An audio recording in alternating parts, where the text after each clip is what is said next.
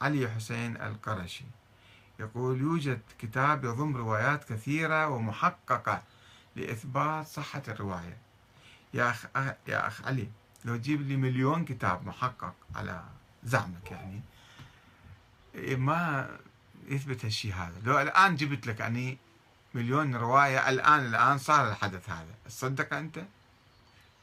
يعني شوفوا مرة أنا كنت أصلي هنا مسجد قريب من عندنا فشفت مثلا شخص بارز محمد علي الملاكم المعروف الأمريكي واقف بجنبي دي يصلي صلاة الظهر أو العصر ما أتذكر الآن قبل عشرين سنة تقريبا. فهذا حدث إنسان عادي مشهور يعني يجي مثلا سرا يدخل مسجد يصلي ويجي راوي يروي لكم أنه يابا اليوم شفت فلان واحد داخل المسجد فإما صدقوني أو ما تكذبوني مثلا أو الرواة الآخرين يقولون قصة حدث فردي يعني هذا. بينما إذا أجى أوباما مثل رئيس أمريكا اجى صلى بالمسجد. قلت لكم اليوم شفت أوباما جاي يصلي وياي بالمسجد. تقولوا لي يا عمي أوباما مو شخص عادي. أكيد وكالة الأنباء أكيد الصحف التلفزيونات كلها كانت رافقه أول ما ينزل من الطيارة إلى أن يجي المسجد. فشلون انت تنقل لنا خبر أوباما جاي مصلي بالمسجد مثلا؟ نفترض هو مسلم صار مسلم مثلا.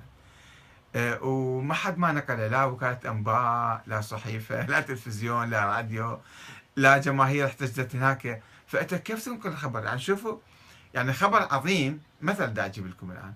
خبر عظيم ومهم مثل زيارة رئيس دولة إلى مثل مسجد أو إلى فلان منطقة. ما يمكن يمر بهالبساطة وبهالسرية يعني.